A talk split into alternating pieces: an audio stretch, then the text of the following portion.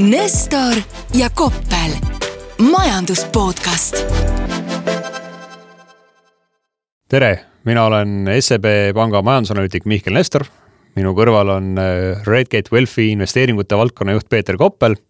käes on kümnes jaanuar ja me oleme salvestamas äh, selle aasta esimest äh, majanduspodcasti Nestor ja Koppel ja, ja no kümnes jaanuar, eelmine nädal me olime väga hõivatud, me olime mõlemad MyFitnesses, ajastasime oma tippvormi, et ikkagi olla siis äh, tõesti oma parimad äh, meie järgmise nädala Davose majandusfoorumil, kuhu me loomulikult oleme mõlemad kutsutud peaesinejatena. ja, ja me lendame sinna eralennukiga, mis sõidab kasutatud toiduõliga. aga minnes nüüd äh, kõigilt nendelt väga olulistelt teemadelt äh, tänase teemade sisuni, siis äh, sinul oli täna geniaalne kontseptsioon, kuidas me siis oma podcast'i üles ehitame. palun tutvusta.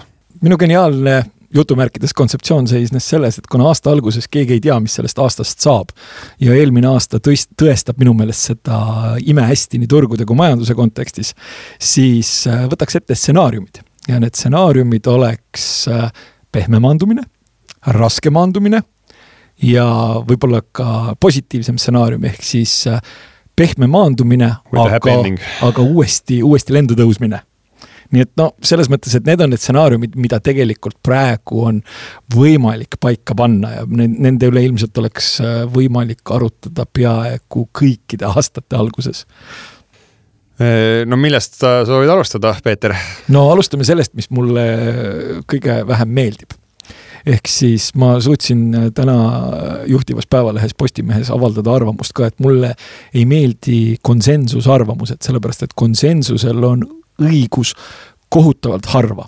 ja kui me nüüd mõtleme sellele, et milline hetkearusaam siis maailma majandusest aastal kaks tuhat kakskümmend neli konsensusena on, siis see konsensus ongi see pehme maandumine.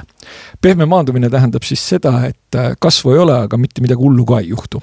ja maandumine võib-olla sellepärast, et siin vahepeal oli korralikult tsirkust, oli tsirkust nii majanduskasvu osas, kui oli tsirkust äh, ka nii-öelda inflatsiooni ja võib-olla sellise nominaalkasvu ja, ja, ja majandusaktiivsuse osas. et sellest siis maandutakse, aga maandutakse pehmelt intressimäärade osas mitte midagi hirmsat ei tule, inflatsiooni osas mitte midagi hirmsat ei tule, aga kasvu ka ei ole tahtsin kohe algusele vastu vaielda, et ma kuskilt kunagi lugesin mingit tarka raamatut, see vist ei olnud Nassim Taleb, aga kuidas äh, ikkagi, et kui sa võtad individuaalsete ekspertide arvamused, need on alati mööda, aga et kuidas äh, kõik kokku ikka arvavad üsna lähedale sellele, mis siis nagu tegelikult tõeks osutub.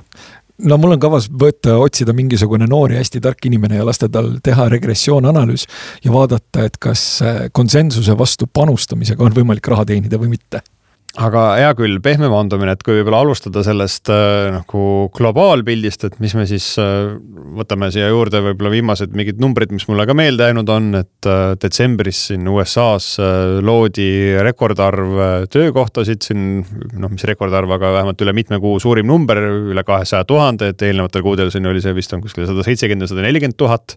ja siis sellele vaatamata arvatakse, et Föderaalreserv on õige pea alustamas siis intressimäära kärbetega mille tulemusena laenamine muutub äh, soodsamaks.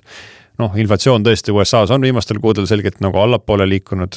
Äh, ja selle kõige tulemusena siis võiks siis sündida selline väga tore, tore ja pehme maandumine, ma saan aru, ja, ja midagi sarnast siis ka Euroopas. no Euroopas põhimõtteliselt on see pehme maandumine minu meelest selline äh, noh, ma ei tea, sihuke paras mahedahäälne onu Reemuse jutt, sellepärast et kui me nüüd mõtleme sellele, kuidas Euroopas suurtel majandustel läheb, siis minu meelest Euroopa sellistele makroonudele äh, ja tädidele hirmsasti meeldib näidata ühte nagu graafikut ja neile meeldib näidata seda graafikut, kuidas Saksamaa on deindustrialiseerumas.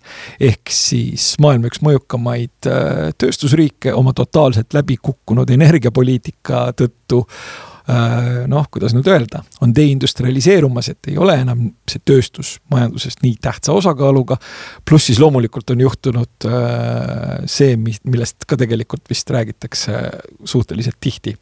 see on ka selline võib-olla selline konsensusmõte, mis paneb mind natuke selles kahtlema, et äh, tavaliselt ju öeldakse alati, et Hiinast pärinev nõudlus on nii suur ja see päästab maailma majanduse alati ära no ja enamasti väga targad inimesed iga aasta alguses ütlevad, et see Hiina majandusmudel on nüüd omadega ammendunud ja ta on põrkumas mingisugust, vastu mingisugust seina, et noh, ma olen küll mäletan mingisugune, et küll oli demograafiline sein ja siis täna, selle aasta narratiiv on, et see on autoritaarsuse sein. ehk siis majandus selleks, et areneda ja kasvada, tahab olla vaba, aga kuna Hiina on autoritaarne, siis noh, nüüd on jälle sein ees ja nüüd eriti kuhugi kasvada ei saa. ehk siis Euroopas vaadates ja mõeldes sellele pehmele maandumisele, siis noh, väga häid argumente selle toetuseks leida on raske no aga, aga ütleme, et see praegu juhtub, aga korraks selle USA juurde tagasi tulles, siis äh, ma ei tea, sa oled vaadanud, turg vist vahepeal hinnastas, et mingi kuus-seitse intressilangetust Ühendriikidesse sellel aastal või?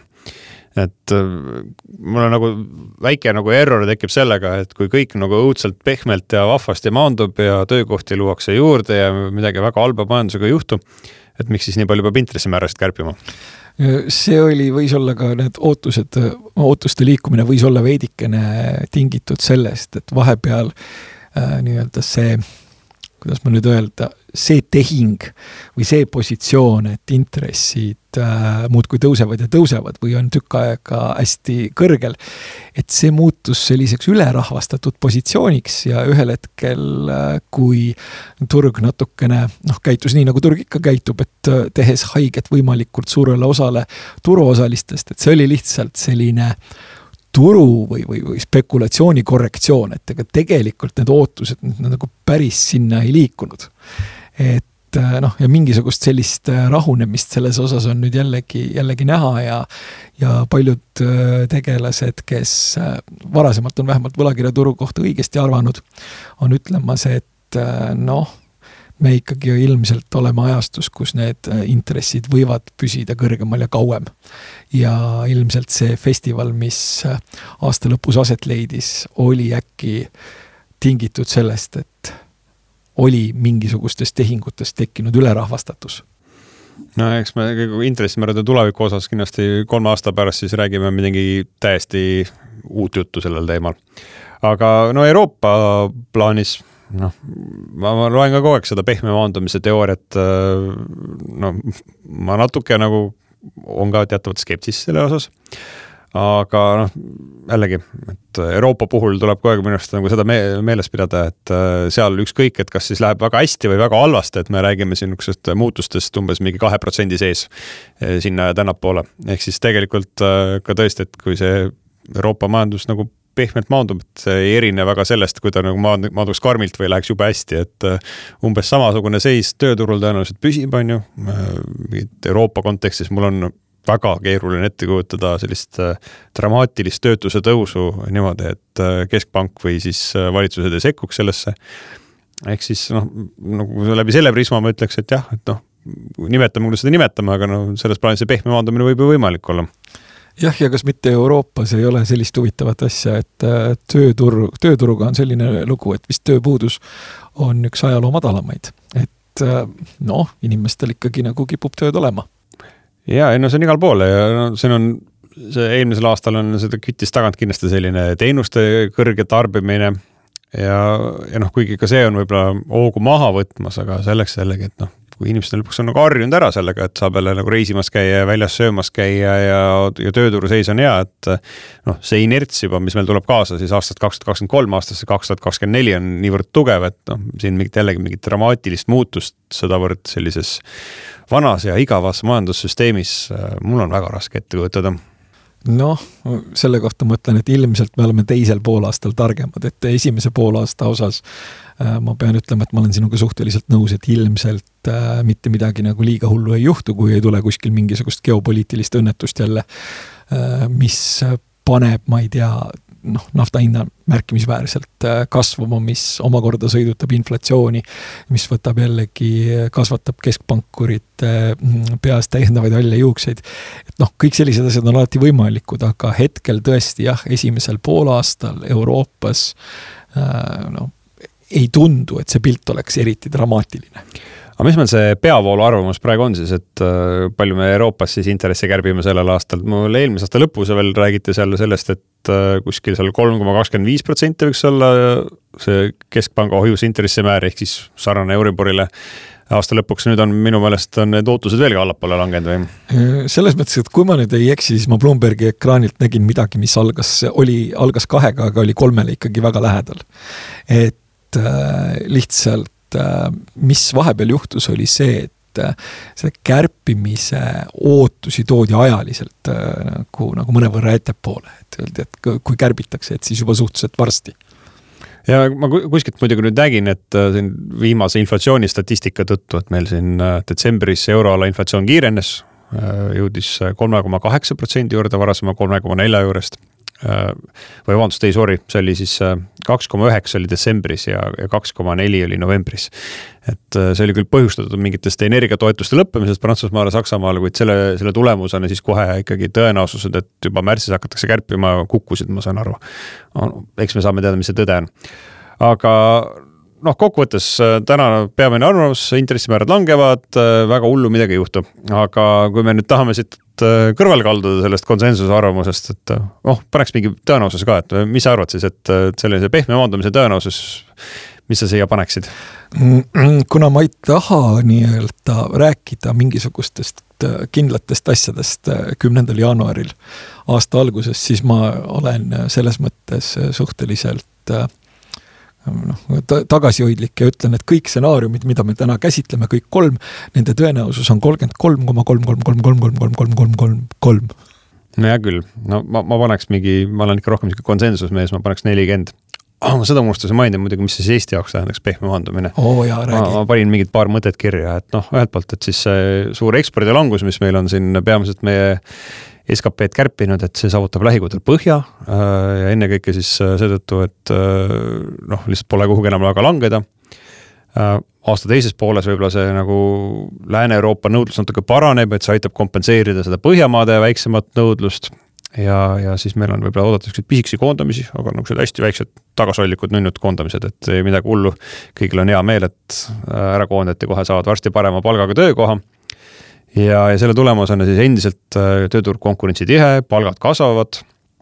tarbijate nõudlusena oluliselt ei muutu võrreldes eelmise aastaga.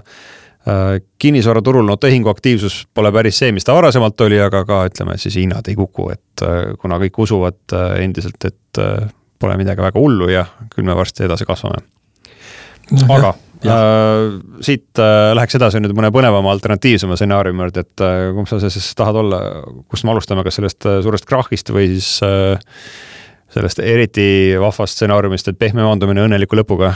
ma arvan, et võtame selle viimase sellepärast, et jätame sellised kurvemad stsenaariumid nagu lõpuks. ja õnnelikud lõpud meile väga meeldivad. ja, ja sellega, sellega on nüüd sihukene lugu, et kui ma nüüd mõtlen, et, et mis oleks hea põhjendus selleks, et selline asi juhtuks, et kõigepealt nagu maandutakse pehmelt ja siis tsükkel läheb uuesti ilu, ilusti käima, siis minu esimene koht, mida ma vaatan, on selline asi nagu nii-öelda financial conditions. mulle ei meeldi kasutada ingliskeelseid väljendeid, aga noh, see on konkreetne asi. kui te seda guugeldate, siis te leiate selle dünaamika kohta erinevaid illustratsioone. mis siis põhimõtteliselt tähendab seda, et kuivõrd kättesaadav on raha, kuivõrd kättesaadav on krediit ja kuigi, kui me siin räägime intresside allapoole tulemisest, siis äh, noh, need tingimused või siis raha kättesaadavus, dollari kättesaadavus, mis on maailma kõige olulisem valuuta jätkuvalt, et see on tegelikult viimasel ajal oluliselt äh, kippunud nagu väga kiiresti paranema ja kui sellised tingimused paranevad, siis mis põhimõtteliselt juhtub, võivad juhtuda tegelikult kaks asja. esiteks tarbijad vaatavad, et noh, polegi kõige hullem, eriti kui neil veel töö ka alles on ja Ühendriikides paistab, et neil on ikkagi, äh, jääb see töö veel päris tükiks ajaks alles. noh, nad vaatavad, et raha on kättesaadav, töö jääb alles, nüüd võiks tarbida, nüüd võiks tarbimist kasvatada. ja see võib omakorda siis viia selleni, et ettevõtted vaatavad, et oo, tarbijad tarbivad. äkki peaks tegema mingisuguseid asju, mida kutsutakse CAPEX-iks ehk siis kapitaliinvesteeringud äh, ehk suurendada siis oma võimekust millegi tootmisel ja millegi võime, äh, võimaldamisel. ja see on siis nüüd ütleme selline mm, nii-öelda seos, kus võiks tekkida selline täiendav õhku tõusmine. ja ütleme, aidata siis nii-öelda majandus uuesti, uuesti nagu mingi, tekitada mingeid kenasid kasvunumbreid äh, kõigepealt Ühendriikides, aga Ühendriikidel üldiselt on komme nii-öelda olla see vedur, mis või siis olla siis teenäitaja, mis näitab ka seda, mis igal pool mujal juhtuma hakkab. vähemalt seda, mis hakkab juhtuma võib-olla väiksemas mastaabis, aga arenenud maailmas. nii et selline teoreetiline võimalus nende siis nii-öelda selle raha kättesaadavuse või siis nende tingimuste paranemisega.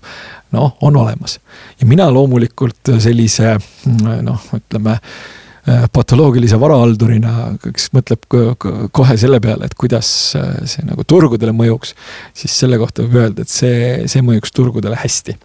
ja see mõjuks turgudele hästi selles mõttes, et see mõjuks turgudele hästi ilmselt äh, aktsiaturgudele hästi, võib-olla hästi isegi võlakirjaturgudele. ja sellised noh, ütleme nende finantstingimuste paranemine kipub üldiselt positiivselt mõjutama kõike sellist, mille kvaliteet on tegelikult selline natukene küsitavam. ehk siis igasugune selline, no ma ei taha kasutada jälle ingliskeelseid sõnu.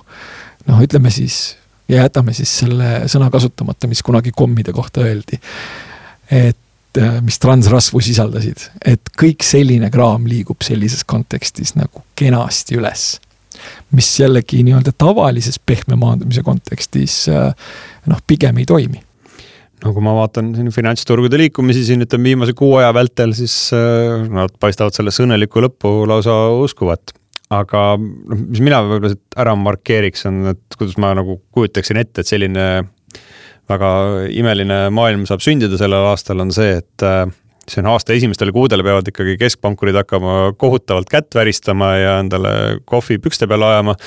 ja hästi kiiresti hakkama välja tagurdama siis äh, praeguse, praeguste intressimäärade juurest äh, oluliselt madalamale tasemele. mille tulemusena siis ma võiks nagu tõesti uskuda, et, et tõepoolest ettevõtted muutuvad väga optimistlikuks, hakkavad tegema neid suuri investeeringuid tarbijatel kulub vähem raha kodulaenude peale, hakatakse rohkem tarbima, et noh, midagi sellist võiks käivituda.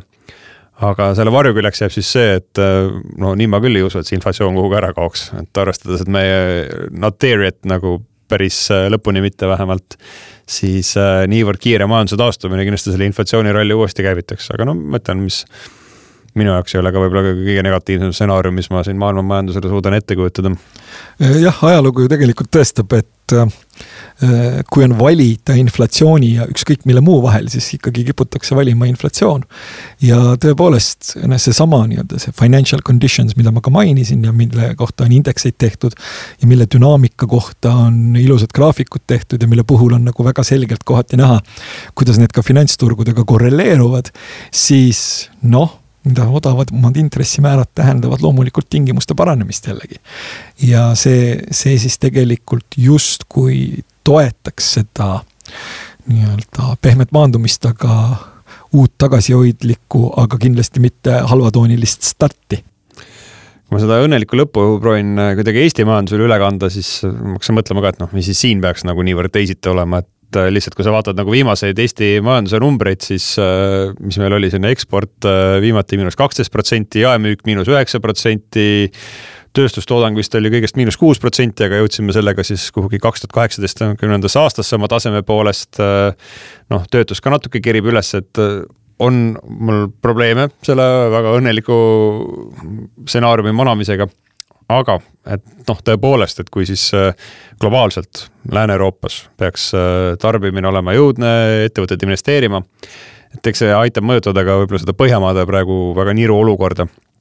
et üsna kiiresti siis paraneks ka siis meie põhjamaiste kaubanduspartnerite Rootsi ja Soome majandusolukord, kus siis äh, tänavu tundub, et veel ikkagi majandus langeb edasi ja, ja noh, meid on seal väga valusalt puudutanud see kinnisvaraturu olukord, et noh, et see eeldas ka siis, et võib-olla siis äh, näiteks Rootsi ja Soome riik otsustavad, et ikka see, mis toimub ehitussektoris ja kinnisvarasektoris, et see on ikkagi no natuke liiast ja, ja riik peaks hakkama tegema siis suuremaid investeeringuid äh, elamumajandusse, kasutades ära soodsad hetked, kuna nõudlus on madal ja intressimäärad ka äkki hakkavad äh, langema.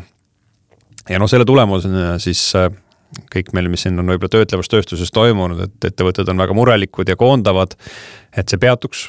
võib-olla hoopis hakatakse lootma sellele helgele tulevikule, üritatakse veel äh, kohalik äh, oskusmeister Toivo kätte saada kuskilt, enne kui ta nagu konkurendi juurde tööle läheb. Ja, ja selle tulemusena siis tõesti, et eriti aasta teises pooles võiks äh, majanduspilt oluliselt kosuda. Ja noh, kuna siiamaani tegelikult ju noh, tööturgu vaatame, et tegelikult enamusel inimestel töökoht on alles, on ju, palgad äh, kasvavad et äh, see kõik uuesti tegelikult käivitaks selle võib-olla sellise aktiivsema investeerimise kinnisvarasse, et kuna kõigile tundub, et noh, nüüd on nagu see ostukoht saabunud. kõik need projektid, mis meie vaesed kinnisvaraarendajad on sinna vahepeal sahtlisse jätnud, äh, saaks kiiresti välja tuua, on ju, noh, seal on mõnedel isegi ehitusluba võib-olla olemas. et tegelikult see ka ehitussektori konjunktuur paraneks ja noh, selline õnnis pilt siis äh, Eesti majandus, et kui me praegu räägime siin parimal juhul nullkasvuga aastast, et äkki võiks isegi sihukest kaks protsenti majanduskasvu tulla kusjuures äh, rääkides äh, soomlastest, siis seal on äh, ühe koha peal tunda nagu tõsist optimismi lõhna mida tavaliselt seal ei ole ja eriti veel sellisest allikast nimelt. nimelt seitsekümmend seitse protsenti suurettevõtete juhtidest arvavad, et valitsus ajab õiget poliitikat. nii palju, kui mina olen oma elus Soome igasuguseid ettevõtjaid, makroanalüütikuid, tööstusjuhte ja muidu selliseid kahtlaseid valge särgiga tüüpe näinud, siis noh, nad mingisugusel hetkel vähemalt saunalaval võtavad, lülitavad automaatselt sisse autopiloodi, kus nad leiavad, et Soome nii-öelda on oma majanduspoliitiliselt kontekstilt täiesti läbi kukkunud koht. ja nüüd on siis olukord kus, kus seitsekümmend seitse protsenti nendest on optimistlikud. Ja ma arvan, et äh, võib-olla kui nad on optimistlikud, siis äkki nad teevad ka selliseid, äkki nad teevad selliseid otsuseid, mis võib-olla nagu ka mm, kohe ütlen sulle, miks see halb on, et nii. tead, miks nad on? Nii rõõmsameelsed seal on see, et äh, Soomel on praegu valitsus, kes siis äh, vaatamata raskele ajale ütleb, et tema ikka ei taha väga laenu juurde võtta ja vastupidi, peaks kärpima mis loomulikult Soome majandust langetab ja Eestis veelgi siis suure võimendusega avaldub, et äh, jumala eest seal oleks selliseid äh, sinu lemmikuid võimalikult vasakpoolset valitsust vaja, kes ikka hakkaks nagu kõvasti peale kallama majandusele, et see on no, Soome riigivõlg, see mind ei, mind ei huvita, et peaasi, et eestlastele tööd tuleb. Jah, tõsi, selles mõttes, et me siin ikkagi ka lähtume rahvuslikest huvidest, aga noh, soomlased on meile suhteliselt lähedased ja ma arvan, et et äh, kui nüüd mõelda perioodi pärast teist maailmasõda, siis äh, eks nad ole ju kannatanud ka selle vasakpoolsuse käest piisavalt, et prooviks korra teistmoodi, et äkki läheb hästi. vähemalt ettevõtjad arvavad, et võiks minna. ja kui ettevõtted arvavad, et võiks minna, siis äh, no, no mina ei tea, ma, ma igal juhul jälgin huviga. nagu ohverdad oma põhimõtetele Eesti majanduse hea, hea tuleviku aga äh, lähme edasi äh,, vaatame seda kõige negatiivsemat stsenaariumit ka, et siis äh, mis see, ma ei tea, kuidas see kenasti eesti keelde panna, et. Äh, Hard landing, raske maandumine. vaata, raske on jah kuidagi. no ühesõnaga lennuk äh, maandub, aga selgub, et ei ole, et seal ei ole all äh, mitte maandumisrada, vaid on mingisugune lohk ja selle käigus tulevad tal ära Äh, rattad all ja ta läheb, läheb veel pooleks ka. kohalik merepäästelennuk laveerib sulle ka veel ette ja siis lähed põlema ja, aga samas jääd ellu. ja et sa jääd, sa jääd küll ellu, aga sul lennukist eriti palju nagu alles ei jää ja sul selleks, sellest toibumisest ja sellest august välja ronimiseks nagu läheb väga kaua aega.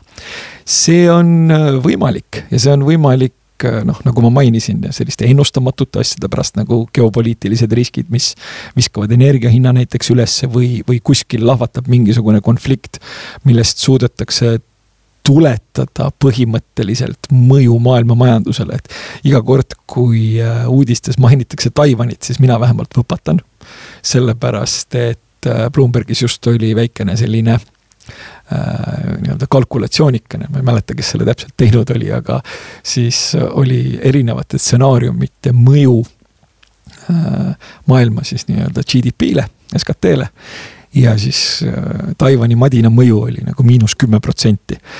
ja noh, see tulpdiagramm, ütleme, oli selline, mis mul järgneval ööl nagu väga hästi magada ei lubanud. sellepärast, et et äh, noh, teades äh, igasuguseid autoritaarseid võime, siis need võivad teha vahetevahel äh, väga imelikel põhjustel väga suuri lollusi. see võib olla näiteks põhjus, muud põhjused, noh, ütleme nii, et et noh, teoreetiliselt on ju ka see võimalus, et inflatsioon võtab kätte, tuleb põõsa tagant välja, ütleb pöö. ja keskpankurid leiavad, et selleks, et oleks võimalik normaalne keskkond pikemas perspektiivis taastada, et siis tuleb ikkagi nagu inflatsioon korralikult äh, ära kodustada uuesti ja raamidesse suruda. aga sellega loomulikult kipub ka kaasnema surutis, sellepärast et äh, kui nüüd need reaalintressid lähevad äh, üldiselt suhteliselt nagu positiivseks ja püsivad nagu tükk aega, siis see on väga, väga valus neile, kellel on suur võlakoorem no ma panustaks siia juurde veel selle sihukese vaatega, et äh, tegelikult meil eelmine aasta oligi sihuke glitch in the system, et äh, tegelikkuses ju intressimäärad tõusid äh, kõvasti, justkui oleks võinud kõvasti hakata ka pidurdama majandushoogu, noh, tegelikult midagi väga hullu ei juhtunud, tööturgudel läks hästi. aga et see kõik oli selline hetkeline näiline seis ja alles nüüd siis hakkavad avalduma see, et laenata on kallis ja eks meil oli ka mõneti selline võib-olla selle koroonapandeemia järgne sihuke high, et mille tulemusena siis kõik käisid ja kulutasid veel oma ka vanasid säästusid ja need on nüüd tänaseks otsa saanud. läbi. ja, ja läbi ja on jaanuaris enam sentigi ei kuluta, et äh, kõik on otsas ja, ja selle tulemusena siis tegelikult hakkab töötus päris kiiresti ülespoole kerima mille peale siis keskpangad võib-olla satuvad natuke paanikasse, hakkavad ka intressimäärasid allapoole tooma, aga juba on hilja. et kõik otsused on tehtud, et ma enam ei tarbi, et ma ei investeeri ja nad ei suuda nagu tegelikult seda usku majandusse taastada ja mille tulemusena nad peavad siis võib-olla seda veel rohkem tegema ja siis kõik turuosalised satuvad veelgi rohkem paanikasse, et kas tõesti lood on niivõrd halvad. ja, ja hoos on, ees on tõesti suurtes majandustes ootamas selline majanduslanguse aasta jah, ja üldiselt ju kipub olema, tasub meenutada ajalugu, et mm, intresse tõstetakse tavaliselt ikkagi selle hetkeni, kui juhtub mõni õnnetus. see mõni õnnetus kipub enamasti juhtuma kuskil nii-öelda just nimelt finantssektoris. ja kui ma nüüd mõtlen sellele, et elukondliku kinnisvaraga võib-olla ei ole mitte midagi nii kohutavat juhtunud terves arenenud maailmas, siis ärikinnisvara on nüüd küll nagu natukene selline, et seal on nagu kaks asja, et üks asi on see, et et intressid on kõvasti tõusnud ja teine asi on see, et inimestele kangesti meeldib nagu susside hommikumantliga äh, kodus tööd teha. no ma arvan, et nii sina kui mina oleme seda teinud. ja me oleme ikkagi need tegelased, kellele vist isegi meeldib kontoris käia, sellepärast et saab teiste inimestega ka suhelda ja mõtteid vahetada. aga et ka see nii-öelda intressitõus pluss siis äh, pluss siis võib-olla trendide muutus, moe, moemuutus sellel alal on tekitanud kommertskinnisvaras, ütleme näiteks Ühendriikides mõningaid probleeme.